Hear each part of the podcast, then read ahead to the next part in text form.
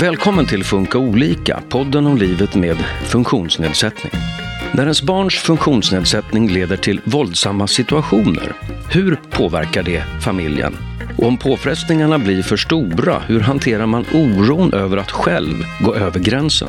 Det pratar vi om idag med en psykolog som ger stöd till anhöriga att hantera svåra situationer och med föräldern Anna som egentligen heter något annat. Jag har ju gått över gränsen på jättemånga sätt och vis. Det är ju, man kan ju gå över gränsen på Alltså det som jag sa, dels det liksom rent psykiskt är det helt fruktansvärt att jag ju anklagar henne för liksom, och beskyller henne för varför jag mår dåligt. Eh, mitt eget barn, liksom, hon, hon kan ju inte styra över detta. Det är ju inte hennes avsikt eller vilja. Liksom. Men, men eh, jag kan ju säga att det är hennes fel. Liksom. Jag heter Susanne Smedberg och idag ska vi prata om ett extra utmanat föräldraskap. Tillsammans med mig i studion är Tina Holmberg Bergman. Hej Tina! Hej! Du har stor erfarenhet av att möta både barn och föräldrar i svåra situationer och har bland annat eh, skrivit en bok om barn och familjevåld och även jobbat i Kanada med eh, utsatta familjer. Ja, det stämmer. Via distans har vi också med Anna. Hej Anna! Hallå, hej! Och eh, du är förälder till tre barn, bor mm. tillsammans med barnens pappa och er äldsta dotter har funktionsnedsättning.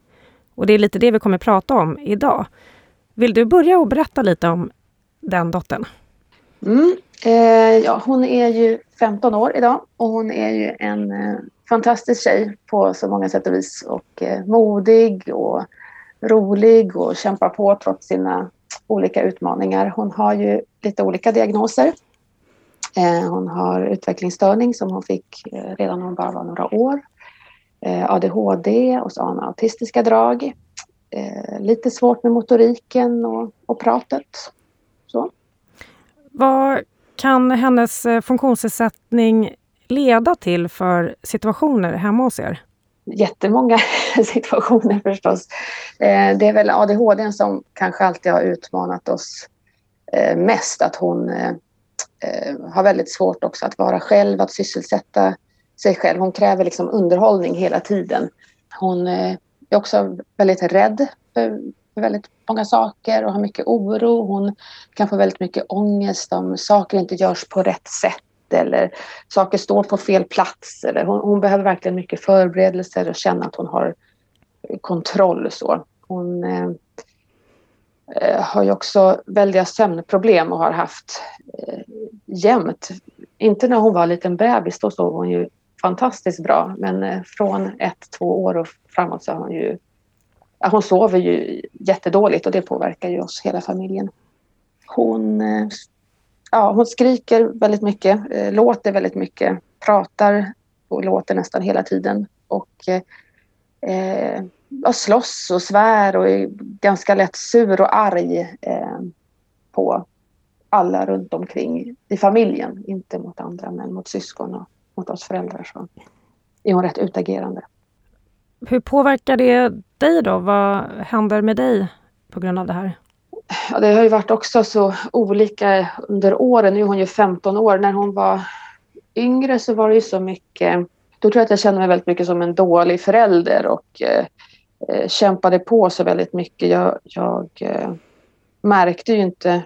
Alltså kroppen sa ju ifrån ganska tidigt det här med att jag inte fick sova och aldrig fick någon återhämtning. Men jag, jag har haft massa kroppsliga symptom med liksom problem med, med hjärtat som hoppar och mycket migrän och ont i rygg och nacke och leder. Jättesömnproblem förstås, äh, ångest, äh, tinnitus för att hon skriker och låter så mycket. Det är ju aldrig tyst äh, kring mig liksom.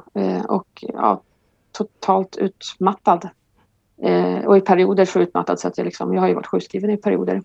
Och sen har jag också inte varit sjukskriven men inte jobbat för att jag bara har slutat eh, sa upp mig liksom för att det inte gick att få ihop livet. Vi ska ju prata om en svår föräldraroll idag, men innan vi går in lite mer på det så tänkte jag fråga, hur skulle du i grunden beskriva dig som förälder? Det är en svår fråga, men jag tror jag har alltid varit ganska... Eh, jag har alltid velat ha barn och vetat att jag ville ha ett barnliv. Och när det blev ett funkisbarnliv, eh, det var jag eh, glad och, och beredd på också. Det var liksom inte en jättesvår omställning. Jag har alltid varit ganska, jag är ganska engagerad, får man väl säga.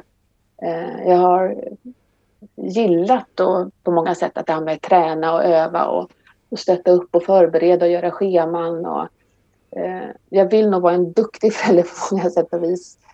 Många runt omkring, både mig och eh, barnens pappa, tycker att Åh, ni, så, ni har sånt tålamod. Det är helt fantastiskt vilket tålamod ni har, att ni orkar. Eh, själva tycker vi att vi eh, brister så mycket, att vi har så lite tålamod för vi, ja, vi, märker, vi, vi håller ju inte hela vägen helt enkelt. Men men i grund och botten är vi nog kanske ganska tålmodiga. Det är många som säger det. Nu efter liksom att liksom varit förälder i så många år så är jag nog ganska trygg i min föräldraroll på många sätt. Kände du att det var liksom eh, ett motstånd eller svårare än vad du hade kunnat ana? ja, men vad visste man? Alltså, eh, jag tror att alla som inte är föräldrar har en bild av hur det ska vara och hur man vill ha det och sen så, så blir det inte så. Och för funkisföräldrar så blir det ju verkligen inte så man får ju se sidor hos sig själv och lära känna sig själv på ett sätt som jag aldrig hade kunnat föreställa mig. Jag har ju gjort saker och agerat eh, på sätt som jag aldrig trodde att jag av alla människor skulle göra. Det här med extra utmanat föräldraskap som jag nämner i introt, vad är det som... Hur kan man beskriva det? Vad är det som gör att det blir det här extra utmanande, Tina? Det är ett begrepp som används också. Ja, det är lite ett begrepp som man ja, vissa tycker inte om och vissa tycker om det faktiskt. Men jag tycker att det, det betyder bara, bara helt enkelt att man, man, ehm, det föräldraskapet som innebär utmaningar som inte brukar förekomma i ett äh, vanligt föräldraskap till typiskt utvecklande barn. Och många av föräldrarna som jag möter, de berättar att de, de, de möter ju nya och oförutsägbara saker och utmaningar nästan dagligen. Och man har ingen guidebok med sig. Hur ska man hantera det här? Allt från att barnet kanske eh, behöver hjälp nästan med allt ehm, till att handskas med barnets eh, beteende eller emotionella problem. Eller oroa sig över barnets utveckling eller framtid och, och ja, handskas med alla kontakter. Det är oerhört många kontakter som de här föräldrarna måste vara som spindlar på nätet. Ja, Väldigt mycket som Anna berättade precis att livet helt enkelt har för många krav och måsten. Vad gör det med eh, föräldrar och övriga i familjen att leva i sån här påfrestning? Många är ju väldigt trötta och utmattade. Och hela familjen påverkas såklart. Det, det blir lätt konflikter mellan familjemedlemmar och parrelationen kan bli ganska ansträngd eftersom du är helt enkelt väldigt, väldigt trött. Eh, för trött att ta hand om kanske parrelationen och kanske tänka lite annorlunda om, om hur man ska hantera situationen. Och för vissa innebär den här tröttheten att man börjar tappa helt enkelt sin föräldraskapsförmåga. Psykisk hälsa försämras. Man får minnessvårigheter och ofta humörsvängningar. Och man kan bli till slut deprimerad. Eh, och eller få ångest som följd. Och sen eh, om man är trött och om man är stressad, eh, då får man det lättare att bägaren helt enkelt rinner över. Man eh, blir lättare arg och irriterad. Vi brukar säga att man får ilska på autopilot. Tröskeln, stresströskel och ilska tröskel blir mycket lägre. Eh, Anna, eh, vilka vilka situationer eh, skulle du säga är svårast att hantera med din dotter? När blir den här tröskeln svår för dig att hantera? Ja, det händer ju. Det är ju många situationer dagligen. Det är ju en grej som eh, alltid har varit jobbigt och som eh, bara blir värre och värre. Det är ju det här att hon hela tiden låter. Antingen pratar högt eller ja, låter eller skriker väldigt mycket. Hon, hon skriker bara rätt ut, alltså jättehögt. Förut så kunde jag ju ta flera dagar och timmar av det men nu räcker det med att hon kommer innanför dörren och lägger av ett så här jätteskrik så känner jag att då, då rasar jag ihop på golvet och bara liksom kvider för att jag får så ont i huvudet. Det är bara, jag får bara hjärtklappning, jag bara mår så dåligt. Jag står inte ut med ljudet liksom. Och då eh, är jag inte så bra på det här med att parera och förebygga och allt sånt där som jag måste göra hela, hela tiden. Vi, vi får ju inte ha en dålig dag. Vi får ju inte ha en, en dålig stund. Vi måste ju vara på topp hela tiden och vi måste vara närvarande med henne konstant. Så att, eh, men där har det blivit värre med, med min ljudkänslighet som sagt Den här ljudkänsligheten, har du något eh, liksom, skydd, öronproppar eller gör du något för att stänga ute de där ljuden? Eller Ja, vi har prövat allt möjligt. Dels eh, mycket så hörselkåpor har vi ju alla i familjerna, syskonen. Liksom vi alla har eh, anpassade för sina storlekar. Vår lilla bebis fick liksom bebishörselkåpor redan som liten. Men, eh, och det hjälper ju till viss del, men det, jag menar, det, hon skriker ju fortfarande, det är fortfarande ljud som kommer in. Det är ju aldrig, det är att det aldrig är tyst. Eh, sen har jag fått sån tinnitus att hörselkåpor funkar liksom inte längre på mig för det bara susar ännu mer och blir bara ännu värre. Så nu försöker jag ha några slags öronproppar istället men det hjälper ju inte. Alltså, det, mild, det mildrar väl lite grann liksom, men det är ju inget som hjälper. Jag blir ju hysterisk och har istället hållit för hennes mun liksom, för att jag blir tokig. Eh, det måste vara tyst, det måste vara tyst. Eller jag försöker gå därifrån. Jag går, låser in mig i badrummet för att jag, jag, måste, jag måste, det måste vara tyst. För jag, jag, jag brister, jag, det funkar inte. Men vi försöker ju eh, gå undan från henne. Hon följer ju efter oss och vill ju vara hon vill ju vara med oss och med mig hela tiden. Men när hon skriker så, så jag, jag kan ju inte längre, jag mäktar ju inte med längre. Det går ju inte, jag måste ju få andrum, om än bara några sekunder. Får du de där sekunderna då? Nej, men det är ju det. Vi, vi, vi får ju noll återhämtning. Liksom. Det, det, är ju verkligen... Vi får ju ingen återhämtning. Vi har ju läst alla böcker om lågaffektivt bemötande. Vi har läst alla böcker om liksom, barns utveckling och hur man kan stötta på olika sätt. Och barn som är, exploderar, hur ska man göra? Alltså vi har ju allt det där. Eh, och i många av dem står det så här, men gå undan det räcker med bara tio minuter så har du liksom själv lugnat ner dig så är du inte så lika arg längre eller lika upprörd. Tio minuter, är det ett skämt eller? Det, det, finns inte på kartan tio minuter. Jag kan inte ens hinna räkna till tio. Det, jag, för jag har någon som står och slår mig och skriker eller kastar saker, hårda saker på sina syskon. Så att jag måste hela tiden vara med. Jag hinner inte tänka, hela, hela jag bara imploderar. Det bara blir kaos. Jag tänkte det, vad, vad händer då när det blir det här kaoset? Hur reagerar du? Det är, så, det är lite olika. Vi har blivit mer och mer lågaffektiva med åren skulle jag säga. Blivit bättre på det. Kanske för att vi liksom har mindre och mindre ork. Jag orkar liksom inte explodera. När hon var yngre så exploderade jag väldigt mycket mer. Eh, blev jättearg, stod och skrek själv också. Eh, bankade i väggen, eh, dundrade ner en väska i bordet eller lät, alltså blev arg eh, och exploderade, vilket ju förstås inte alls var, var bra. Ehm, tyvärr så funkade det eh, många gånger därför att eh, det var som att jag bröt den här eh, jag, jag, lyckades ta mig in i hennes värld på något sätt. Då, då blev hon rädd och skrämd. Och då lyckades man bryta, då kunde hon liksom lugna sig bli ledsen och inte arg mera. Då lyckades jag liksom komma in där, vilket är fruktansvärt. Det är ett extremt dåligt sätt men på något sätt blev det alltid lugnare efter att även jag hade exploderat. Men det gör jag mindre, mer och mer sällan. Vi blir mer och mer lågaffektiva. Det, det är mer och mer att jag går åt att jag eh, börjar gråta, att jag lägger mig ner på golvet och djupandas eller hyperventilerar eller försöker gå undan eller bara upprepa låt mig vara, låt mig vara, låt mig vara, lämna mig fred, låt mig vara, jag kommer sen, jag kommer sen eller att jag Eh, vilket ger säkert henne en... Alltså jag skuldbelägger på något sätt mycket mer. Jag jobbar mer... Ja, det är jättehemskt. Det har blivit mer psykisk liksom, misshandel känns det som mot mitt eget barn. Jag skuldbelägger henne och eh, ja, säger ibland att det är hennes fel. Låt mig bara vara så mår jag bra. Liksom. Låt mig bara vara. Hur reagerar hon eh, i de här situationerna då?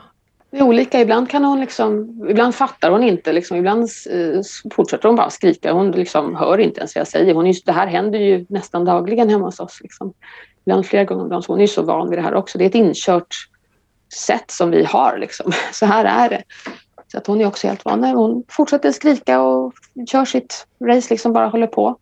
Eller så kan hon också bli ledsen då. Snälla mamma, snälla. Och, och, och, på sitt sätt, hon har ju svårt med pratet som sagt, men att hon liksom går efter och vill vara med mig. Liksom. Hon blir ju rädd när jag är ledsen. Hon är också rädd att jag ska bli sjuk. Jag menar, jag har ju åkt in på akuten eh, vid tillfällen till exempel när hon har slagit mig så jag råkade ramla och föll väldigt illa så att jag liksom började blöda i huvudet. Jag fick hjärnskakning. och liksom ambulansen kommit. Det där är hon ju livrädd för förstås ska hända igen. Eller att jag, hon vet att jag har varit hos doktorn och får mediciner liksom. Eh, och att jag har ont i huvudet och att jag mår dåligt. Liksom. hon, hon har dels hört mig säga att det är hennes fel, tyvärr, vilket är helt fruktansvärt. Men även utan det kanske hon skulle känna det. Jag vet inte. Är, är, du rädd eller har du varit rädd att liksom brista och gå över gränsen med henne? Oh ja, eh, det har jag varit ända sedan hon var liten och det har ju också hänt. Jag har ju gått över gränsen på jättemånga sätt och vis. Det är ju, man kan ju gå över gränsen på...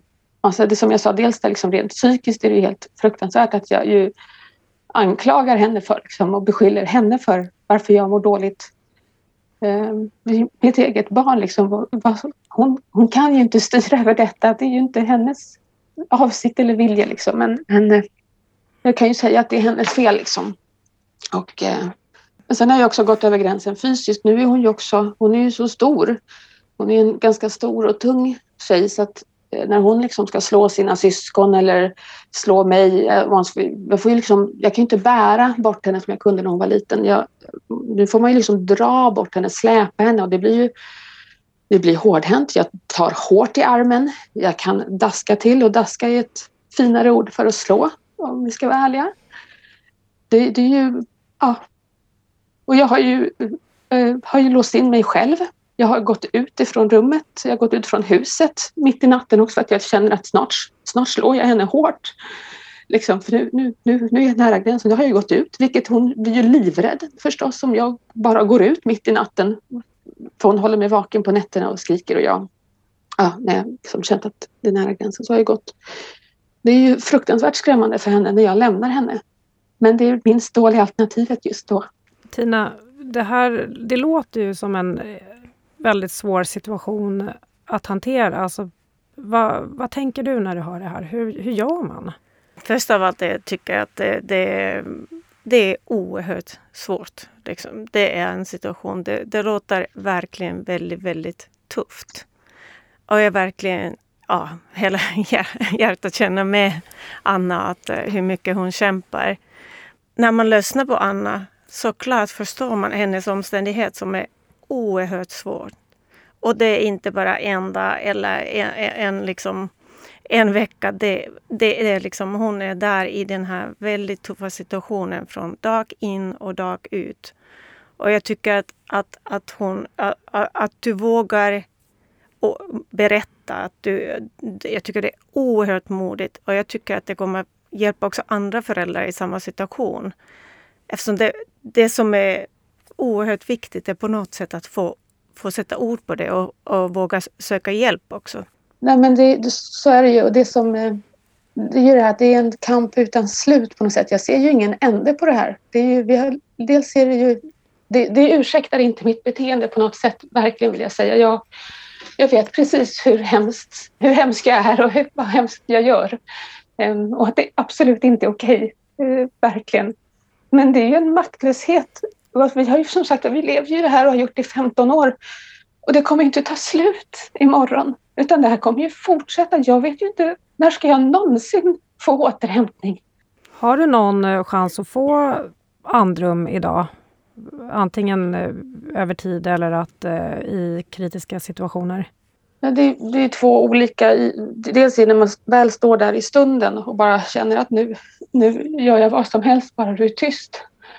Eh, där finns det ju ingen som kan hjälpa mig. Det, liksom barnens pappa, vi, vi turas ju om och växeldrar rätt bra vid det här laget. Vi har, vi har lärt oss att samarbeta rätt bra så vi kan ju avlösa varandra och liksom, nej, nu tar jag över, nu får du gå undan. Liksom. Men det är inte alltid hon låter den andra gå undan eh, heller. Liksom. Det kanske bara blir ännu värre och den andra föräldern kan, den kanske bara hade marginaler på 30 sekunder den där gången så då brister den och så är den andra tillbaka. Det, det, väl i stunden det, finns det liksom ingen lösning än att det bara ska till slut gå över på något sätt. Antingen att någon exploderar och hon då lugnar sig eller att, eh, att det bara går över. Men långsiktigt, med, vi behöver ju avlastning och vi har ju eh, det, har vi, det är ju något vi liksom konstant bråkar och kämpar för att snälla, vi måste få mer avlastning. Och vi har ju korttidsboende, vår dotter, men det har ju också tagit två år att skola in henne på det. Det har ju liksom inte funkat att sova över eller vara där. Det har liksom varit en lång kamp. Vi har ju avlösarservice har haft och ledsagare. Vi har ingen assistans, men så att vi har ju eh, en som kommer några timmar, liksom, eh, tio timmar i månaden så har vi någon som kan följa med henne på fritidsaktiviteter eller gå ut på en promenad eller gå och fika eller göra någonting med henne. Och då får vi ju andrum hemma, men då ska det ju också säga, åh, då ska ju diskmaskinen tömmas. Tvättkorgen svämmar ju över. Det finns två andra barn som vill att vi ska spela spel och leka och sen ska det vara kalas och vi måste ringa och intervjua nya ledsagare och vi måste, alltså lista, att göra-listan är ju oändlig och då drabbas man nästan av panikångest, både jag och min man. Så här, ska vi nu ska man lägga sig ner och sova nu. Så här, vi måste sova nu när hon är borta. Nej, nu ska vi passa på att röja upp äntligen. Så här, fixa. Det är så fruktansvärt stökigt och rörigt alltihopa. Vi måste fixa det här. Nej, men vi måste prioritera syskonen. Nu, nu gör vi det. Och just det, kompis, jag kanske ska göra något kul för mig själv. Ska jag gå och ta en promenad? Ska jag gå och fika? Alltså, vi hinner ju stressa sönder oss över att vi äntligen har andrum innan hon hinner komma tillbaka. Mm. Om hon ens går iväg, för ibland vägrar hon ju gå iväg också. Så då har man ju henne och ledsagaren hemma till exempel. Eller taxibilen står utanför som ska skjutsa henne till kortis men hon vägrar gå in i den så att man står och kämpar två timmar innan hon till slut åker iväg. Så det, det är inte alltid avlastningen blir det den ska, det ska vara. Det är så mycket tid som går åt till så mycket annat runt omkring. Ehm, men visst, när hon är borta en hel helg till slut då, det är ju eh, det, det, är ju fantastiskt på många sätt och vis för då hinner vi ju både fixa och ordna greja, allt som ska göras, men vi hinner också sova på natten. Ehm, man hinner vara med syskon, man hinner lite mer men man hinner också oroa sig för sin dotter och tänka vad hemskt att det ska behöva vara så här. Att gud, jag är så glad för att hon är borta. Det känns helt fruktansvärt. Jag vill inte att det ska vara så här. Jag sörjer ju då. Då har jag ju tid också att sörja över att det är som det är. Varför kan inte vi ha mysigt ihop? Varför måste jag skicka mm. iväg mitt barn? Jag vill inte ha det så. Så känner man sig nästan dum när, om vi har mysigt med syskonen så, så finns det ju ett stråk av vemod hela tiden. Att hon inte är med och att vi inte kan ha det så här. Här sitter vi och har det så trevligt. Mm. Och hon är inte med. Och så kan vi inte ha det när vi kan inte ha det, sitta och ha ett fredagsmys liksom, och titta på Fångarna på fortet eller vad det nu är eh, tillsammans när hon är hemma. Det går ju inte. Och vi vill ju ge det till hennes syskon men, men jag sitter ju med en, en klump i magen tårarna som bränner. Att, det, att hon inte kan vara med och dela det här med oss. När det är så här, det är ju liksom eh, sorg, utmattning och ångest och allt det där. Vad, vad, liksom, vad kan man göra som förälder? Vad, vad finns det för död? Eller hur kan man liksom göra när man känner sig så här som Anna beskriver? Tror Anna säger många av de här sakerna som vi brukar i första hand tänka att, att, att, man, att man prata med någon som man känner och som man litar på. Att ta kontakt med habiliteringen med alla de här sakerna som äh, äh, avlastning och så vidare. Sen, sen, kan man också kontakta socialtjänsten som kan ge, ge stöd. Men jag tycker en av de väldigt viktiga sakerna är ju att på något sätt äh, bearbeta sina känslor. Att jag hör att Anna pratar mycket om också skam och skuld och sånt där som egentligen är lite onödiga känslor att dra på sig ut över allt annat. Eftersom jag hör att hon är en, eh, en, en mamma som verkligen kämpar och gör sitt bästa hela tiden. Och jag förstår också att det, jag tror att det är samma sak som många föräldrar säger att det här att, att, att okej, okay, vi på habiliteringen vi säger att okej, okay, man, man, bör ska, skapa mer tid för, för vila och återhämtning. Men hur gör man det? När man in, inte har en sekund över och när tiden är en bristvara. Och då har jag liksom i, i de grupperna som vi har haft, så navigator act-grupper för föräldrar, då har föräldrarna själv kommit på såna lite, kanske lite eh, konstiga små saker som man kan göra. Att till, ex, till, till exempel att eh, okej, okay, om, om, om, man, om man ibland liksom, om man inte kan få mera tid så kanske man sitter två minuter extra på toa eller, eller sitter två minuter eller fem minuter eller tio minuter extra i bilen när man har handlat och, eller ge varandra tid eh, om det är två föräldrar. Men eh, jag hör ju vad Anna säger, att det såklart det räcker inte. Men det kan göra ändå bara en mikrovilopaus som du djupandas som, mm, ja, som hon sa för två minuter kan ändå göra en liten, liten skillnad när du är där i stunden och liksom kan bestämma, liksom man, är, man är upprörd och, och äh, kanske agerar inte som man vill agera egentligen som förälder. Och sen tycker jag att just det här att öva på något sätt hur man ska agera i de här situationerna när, bägaren är nära att rinna över. Att det, det, det, skulle vara ganska, om man i lugna stunder skulle ägna åt det, att man, man på något sätt övar eh, så här vill jag göra, liksom, verkligen praktiskt övat. Eh, så här gör jag till exempel går undan eller, eller att jag, jag, jag upprepar en lugn mantra eller, eller räknar eh, baklänges från 101. Och jag förstår också att det, alla de här sakerna eh, kan kännas löjliga om man har ett barn som slår en. Hur ska jag ja, göra det? Men jag tänker också på det som eh, du och Anna har sagt här att det finns ju nästan inga lugna stunder att öva på. Nej, alltså, det är klart att, nej det gör det ju inte. Alltså när, vi väl, när, när hon är hemma så finns det ju inte en stund över alls. Då, då finns det ju inte, jag går ju inte ens på toaletten i fred. Hon är ju med mig hela tiden. Liksom. Eh, så så det, det, går ju inte, där, då finns det ingen stund. Men det är klart att vi, gud vad vi har planerat och tänkt och gjort upp planer och strategi för hur ska vi göra när det blir så här. Massa olika scenarier har vi liksom förberedelser för. Eh, det är få gånger tyvärr för oss som det har funkat. Utan ofta är det ju det här, så här som jag pratade om förut, att när, när hon kommer hem från skolan då kan jag ju innan vara så här, men nu är jag i bra form, jag har faktiskt lyckats få en liten vila på dagen här på jobbet. Jag har ändå liksom eh, lyckats... Eh, jag har förmånen att jobba hemifrån nu så liksom, att jag har lyckats vila lite grann på, på lunchen. Och eh, jag är i bra form, jag är glad att hon ska komma hem nu, jag är rustad, jag är redo, jag är skitpepp att hon ska komma. Jag kommer parera alltihopa nu, jag kommer vara förby förebygga och vara Ja, jag, jag, jag, även om hon är arg och skriker så jag, jag är på topp. Jag är i bästa formen nu. Hon kommer hem och eh, börjar tokskrika och då, är ju, då reagerar ju min amygdala, eller vad man ska säga. Liksom, det, det, är inget jag styr över, då, då, bara rasar jag. På två sekunder så är allt det där borta. Mm. Och min man likadan. Vi har förberett, vi har byggt upp och det bara går inte. Jag mäktar inte med. Jag bara rasar ihop. Det går inte. Jag orkar inte. Jag orkar inte en sekund till. Den tröttheten som kommer över mig, både fysiskt och mentalt, den är så överväldigande. Och jag blir så uppgiven och så ledsen så jag känner det här. Jag, finns, jag är så maktlös. Och det här, ska, det här kommer aldrig ta slut. Vi har ju många gånger känt också om jag bara fick sova. Jag har inte sovit många hela nätter på de här 15 åren. Liksom om jag bara fick eh, sova mer än fyra, fem timmar som jag lyckas skrapa ihop eh, upphackat liksom. Eh, då, bara för, liksom, för de gånger jag får sova de dagarna, då har jag ju jättemycket mer marginaler.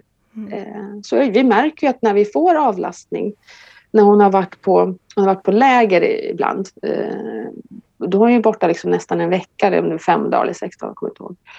Eh, det är ju att få liksom, då, jag är ju en helt annan människa. Mm. Det är klart att jag har mer marginaler när jag får sova. Det är ju så grundläggande. Det är, det är inte jättehöga krav jag har. Liksom. Vi vet ju vad vi behöver. Alla professionella säger ni måste ha med avlastning, men vi får inte mer än vad vi får. Vi får en helgkortis eh, i månaden. Mm. Eh, och vi har tio timmars ledsagning. Det är det. Och det är en utökning ska jag säga jämfört med hur det har varit eh, tidigare år. Nu har vi liksom, vi, vi är ju rätt, det är också det, vi är ju väldigt bra på att bråka så att säga. Jag vet hur man gör en ansökan, jag kan svenska språket bra, jag, liksom, jag, jag är bra på att kommunicera liksom, både via tal och skrift. Jag tänker på hur det är så många som inte har de förutsättningar som jag har, hur orättvist det är. Och trots att jag är så rätt bra på det får vi ändå inte det jag tycker att vi borde... Fast jag till och med skriker och säger liksom att jag, jag förstår inte att jag, jag är rädd att jag ska slå mitt barn? Fattar ni inte att jag, liksom, jag fixar inte det här längre? Fattar ni inte vilken risk det är? Snälla hjälp oss! Vi får i alla fall inte mer. Vad gör man då där? Alltså, det här kan inte vara en unik situation, att man skriker efter hjälp, man vet att det är liksom allvarligt läge, eh, svårt med tid att få den här återhämtningen liksom, vad kan man göra där? Ja, jag tror att äh, det är ju en, det, det enda man kan göra. Att, ja, fortsätt fråga. Jag tycker att det, det, låter som en väldigt pressad situation och jag tycker att familjen i en sån här situation borde få hjälp. Men då kanske man kan äh, försöka söp, söka hjälp lite på olika ställen. Att, att äh, habiliteringen kanske kan göra en sak och sen socialtjänsten kan förhoppningsvis eh, hjälpa med en annan sak. Att jag tycker att i sådana här situationer man borde kanske ha, och det har ni kanske också haft, en eh, SIP-möte till exempel. Ett möte var olika liksom, um, enheter kommer, kommer ihop och eh, gör en bedömning om av bedömning av behovet tillsammans. Så jag tror att det är oerhört viktigt att det, det kan också vara att föräldrar behöver olika typer av, eh, av stöd. Så att man verkligen gör, gör någon typ av uh, bedömning av läget. Och vilken stöd behöver barnet? vilken stöd behöver föräldrar? Om vi går in på barnen då. Anna, ni har ju eh, flera barn och du har ju tidigare nämnt att det också, de här syskonen också utsätts för våld. Hur eh, hanterar du den situationen? Ja, det är ju jättesvårt. Eh, det är ju, de slår ju varandra åt olika håll. Vi har två andra barn. Dels är ju då eh, vår äldsta dotter, hon eh, slår ju sina syskon eh, och retar dem och skriker åt dem. Och hon kan också komma, hon har ju väldigt svårt att liksom signalera att jag vill vara med dig. Då kan hon komma och så lägger hon sig bara på någon eller eh, går till lillebror och förstör hans lego, sätter sig på hans lego. Liksom. Eh, och jag kan se och försöka förklara för lillebror att hon vill vara med. Hon vill vara med. Men han blir ju såklart förbannad eller ledsen ändå. Syskonen är ju extremt tålmodiga. Det, det, det är ju helt fantastiskt vad de eh, mäktar med faktiskt. De har ju otroligt mycket överseende. Eh, och förstår och tolkar hennes beteende jättefint. Det är ju verkligen eh, det är verkligen fantastiskt. Eh, men eh, då och då så exploderar till exempel den ena lillebror som är närmare henne i ålder. Då och då så går ju liksom, rinner det även hans bägare över och eh, han exploderar och då kan han ju bara tokskrika och slå henne. Och då kan vi ju låtsas att vi inte ser för vi tänker att han måste bara få ur det här ur kroppen. Det är klart att han och hon måste se att han blir arg, att här räckte det. Nu slår han ju inte henne så att det liksom är, eh, det är inget farligt utan det är väl mer ett Eh, jag skulle säga att det är mera skrik och liksom knuffa och ta bort. Liksom. Ah, nu förstör du det här igen och ah, du ska alltid... Vi kan låta honom få ha det utbrottet för det känns som att han eh, behöver det och hon behöver se det. Eh, men när hon är på sina syskon så försöker vi ju... Vi får ju dra bort henne då, som jag sa förut. Man försöker ju ta bort henne. Eh, ofta är det inte så mycket att säga. Alla vet, eh, vi har sagt så många gånger att det är inte okej, man får inte göra så här. Så att både syskonen och hon vet ju det. Liksom. Det är ju ofta inte det det handlar om. Liksom. Har eh, någon eh, utomstående reagerat någon gång på att det har varit en våldsam situation eller att eh, någon har haft blåmärken eller så? Alltså hon har ju mycket blåmärken, vår dotter. Ja, dels därför att hon själv sprattlar och skriker och kastar sig runt på golvet och slår i saker så att hon har ju blåmärken.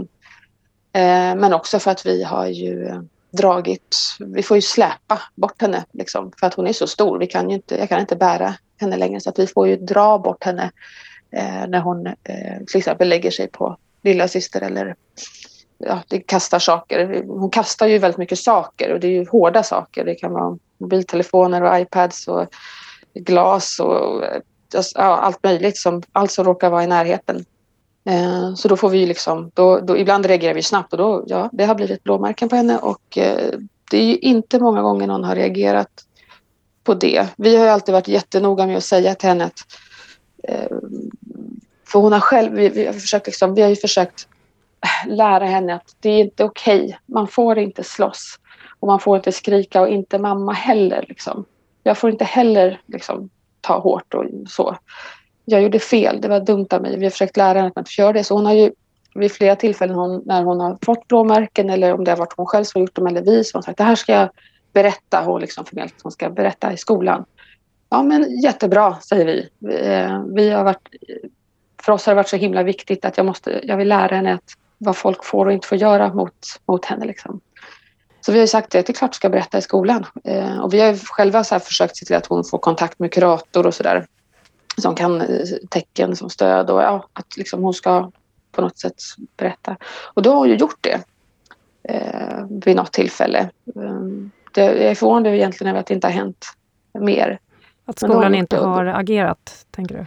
Nej, alltså att hon inte har berättat mer eller att fler inte har, att fler inte, skolan inte har reagerat eh, mer.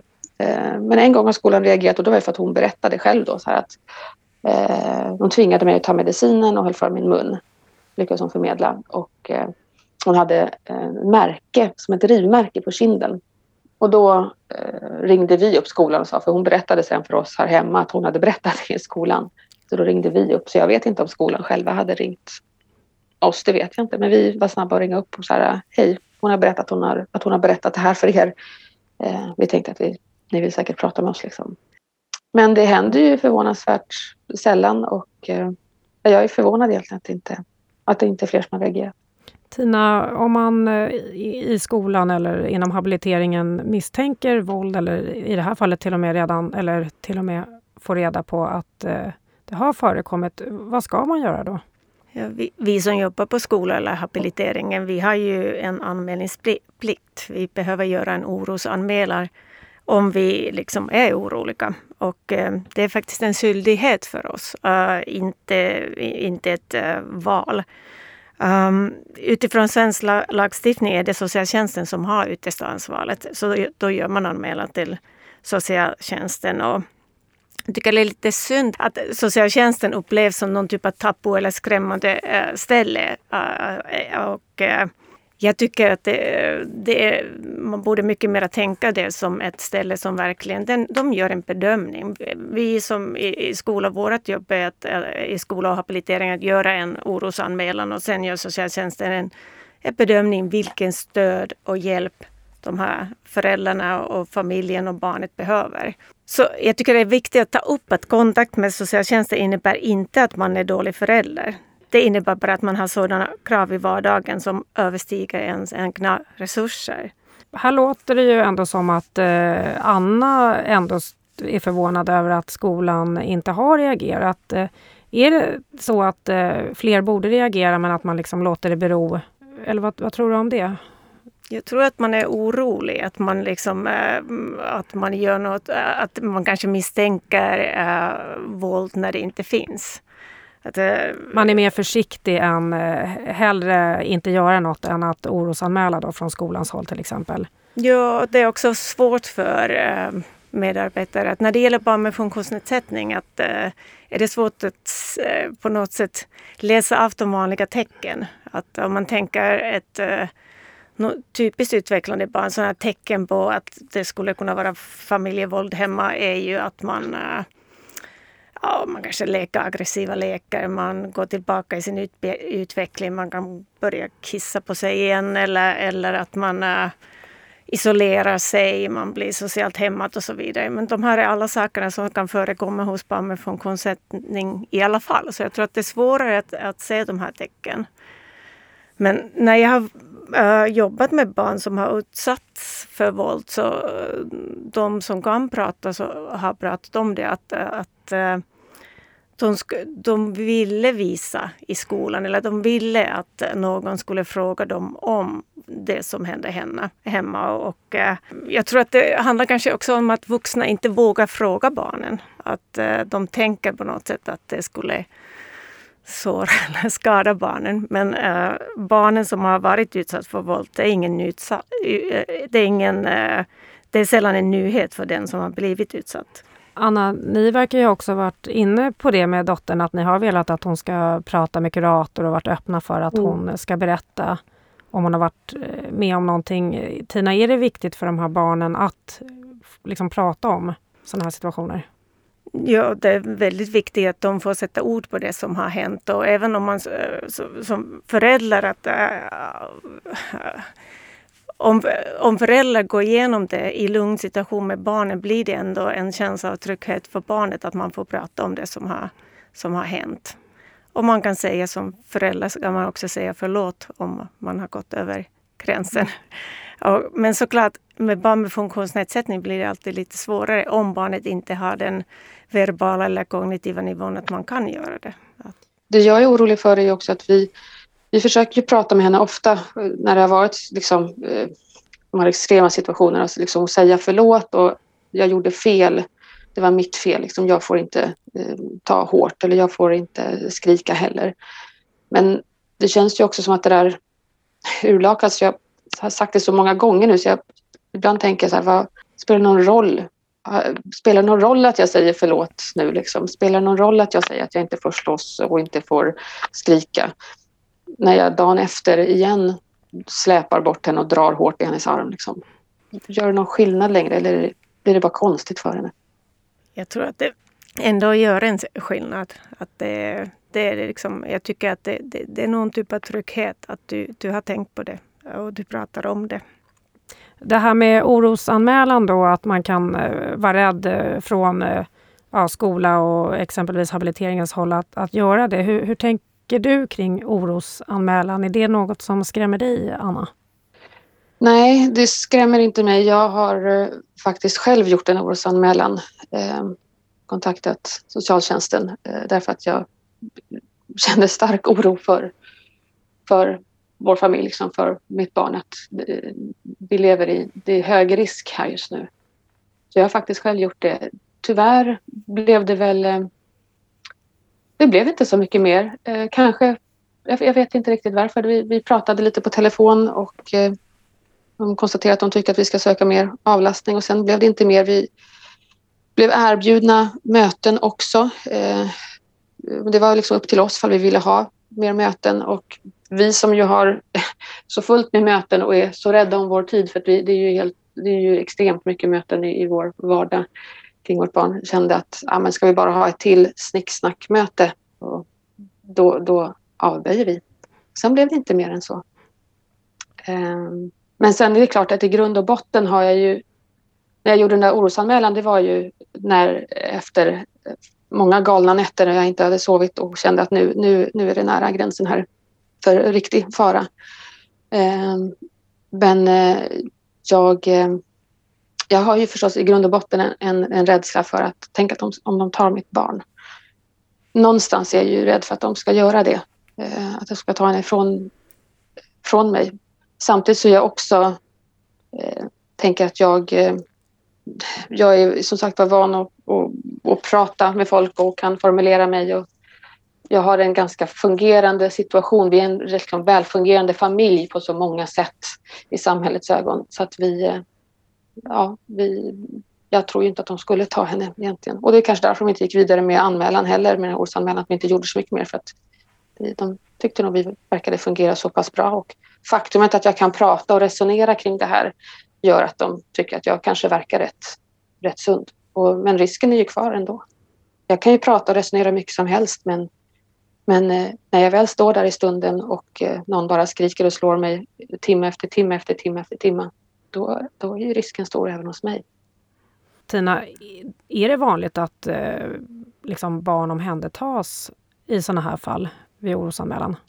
Jag tror att det är väldigt ovanligt att barn äh, omhändertas. Att, det är, först av allt det är väldigt, väldigt dyrt för samhället. Så man, man gör det inte lättvindigt kan man säga. Att, eh, att, eh, jag tror att det är precis det, så, den här rädslan som man pratar om som gör att båda medarbetare och föräldrar själva är oroliga att ta kontakt med socialtjänsten. Um, men, men, det vanliga som sker är just att man, man gör en behovsbedömning och försöker få till det stödet som, som familjen verkligen behöver och förtjänar. Sen tyckte jag det var intressant det här att, att man kanske inte tar äh, lika mycket på allvar de här vältaliga, välfungerande föräldrar. Att, att eh, det är kanske en ögonöppnare för, för, för, dem inom social, eller för oss alla som jobbar med, eh, med föräldrar med funktionsnedsättning. Att inte låta luras på något sätt av det att någon i stunden väl, verkar fungera bra. Att man ändå behöver hjälp. Man behöver liksom stötar i vardagen och någon typ av strategier hur man kan hantera situationen när det blir väldigt, väldigt jobbigt. Som, som vi började med att en, en riktigt, riktigt bra förälder kan tappa föräldraskapsförmågan om man blir tillräckligt trött. Och vi borde inte låta den gå så långt att man blir så trött. Tänkte det här med eh, vi har rört det lite grann eh, med våld i, i den här typen av familj. Skulle ni säga att det finns en högre tolerans eller acceptans för våld när det handlar om familjer där något eller flera av barnen har funktionsnedsättning? Vad säger du, eh, Anna? Jag tror ju eh, det. Jag tror ju att alltså alla i Sverige vi är vi ju rätt duktiga på att säga att det är liksom våld är våld och det är inte okej. Okay. Och liksom aga-lagen, det, det, det, det är inte okej. Okay. Ingen får utsättas för det. Samtidigt så är det ju eh, det är som att man, när det händer, det är de här barnen, det är också om, om barn, barn med funktionsnedsättning sinsemellan eh, slåss eller förgrips på varandra, det är också som att personal inte tar det på samma allvar i skola eller boenden och sånt. Eh, det känns inte som att det, det är en egen värld. Liksom. Funkisvärlden är en egen värld och händer det inom familjen eller inom boendet eller inom vad det nu är så ja, då ska man lösa det själv på något sätt. Jag, jag, det, det är den känslan jag har och tycker mig liksom... Jag, jag har kontakt med många andra föräldrar via olika grupper och, och, och föreningar och så och eh, att prata om våld, det är ju jättekänsligt. Det, det, på det här sättet som jag pratar idag, det pratar inte jag riktigt med, med andra. Däremot kan man ju prata om att man blir tokig och man blir galen och att man kanske skriker och bankar i väggen. Men att tala om att man faktiskt tar hårt i sitt barn, det kanske man inte gör. Däremot känns det nästan som att det är underförstått många gånger. Och den här totala maktlösheten och ensamheten, att ingen hjälper oss. Mm. Ingen hjälper oss. Vad tänker du om det här Tina, den här, att det finns en högre acceptans?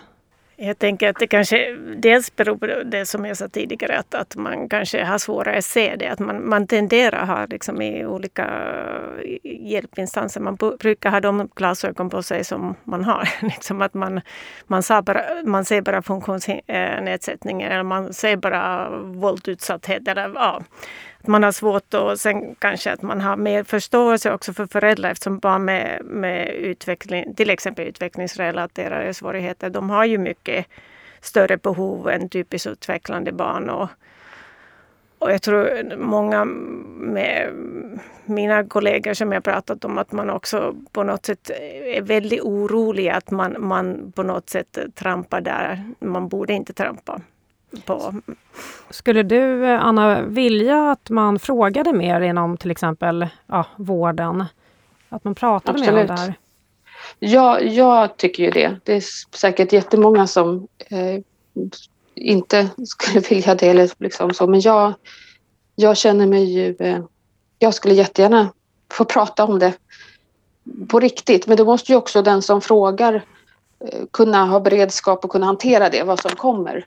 Eh, för att det är som jag och många föräldrar i min situation liksom, eh, känner, sig. jag är så fruktansvärt trött på alla möten och att prata och vända ut och in på mig själv men det händer ingenting. Eh, jag vill ju att det ska bli, hända någonting då. För när jag själv pratar med LSS-handläggaren om eh, att liksom, allt håller på att gå överstyr men inget händer, då till slut känner jag ingenting till. Om jag pratar med skolan om liksom, ja, det, det, det är som hon säger, det är, liksom, det är inte okej okay och vi har blivit för arga. Och, ja, nej, men det förstår vi. Så det hade gjort det jättejobbigt. Så här, men det, det är ju fint att ni kan prata om det. Vi, vi kommer ingen vart. Det händer ju ingenting. Ja. Är det något stöd eh, som har varit bra för dig, eh, antingen liksom personligt eller för familjen, som du eh, tycker att du har blivit hjälpt av genom åren? Ja, men det är det ju lite olika. Dels är det ju rent krasst mediciner, att hon har fått eh, melatonin till exempel, så sömnen har blivit lite bättre i perioder. Det gör ju underverk. Eh, vi har också prövat lite andra mediciner som ska lugna henne och vara mer ångestdämpande. Eh, det har väl hjälpt lite grann och lite grann är ju värt jättemycket också. Så att dels medicinskt. Sen är det ju, när vi, den avlastningen vi får är ju extremt värdefull. Liksom. Vi, vi Eh, vi vill ha mer hela tiden säga men det vi får är ju också otroligt värdefullt. Vi är också en familj som inte har mor och farföräldrar eh, liksom till hand som kan eh, komma och hjälpa till, eh, vilket också har bidragit kanske till att vi eh, ja, har blivit väldigt utmattade. Liksom. Att vi inte har någon avlastning där.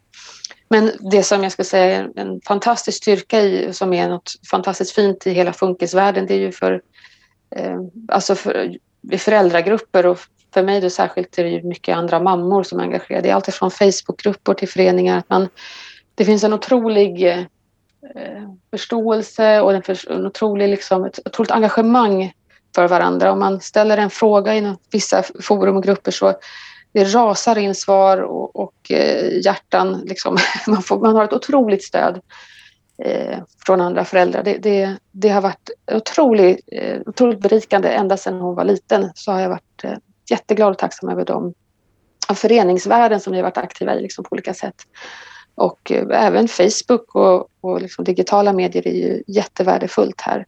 Och även för syskonen har det varit. De får träffa andra syskon och träffa andra familjer och få känna sig normala mm. i de här föreningsaktiviteterna som vi är med på. Så, så att, eh, även om vi inte pratar direkt om våld som vi gör idag då, eh, så är det ändå ett...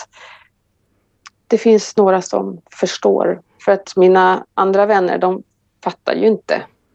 Eh, de fattar ju inte vad, vad, det, vad det är för, vilken grad av utmattning eller maktlöshet eller eh, sorg vi pratar om.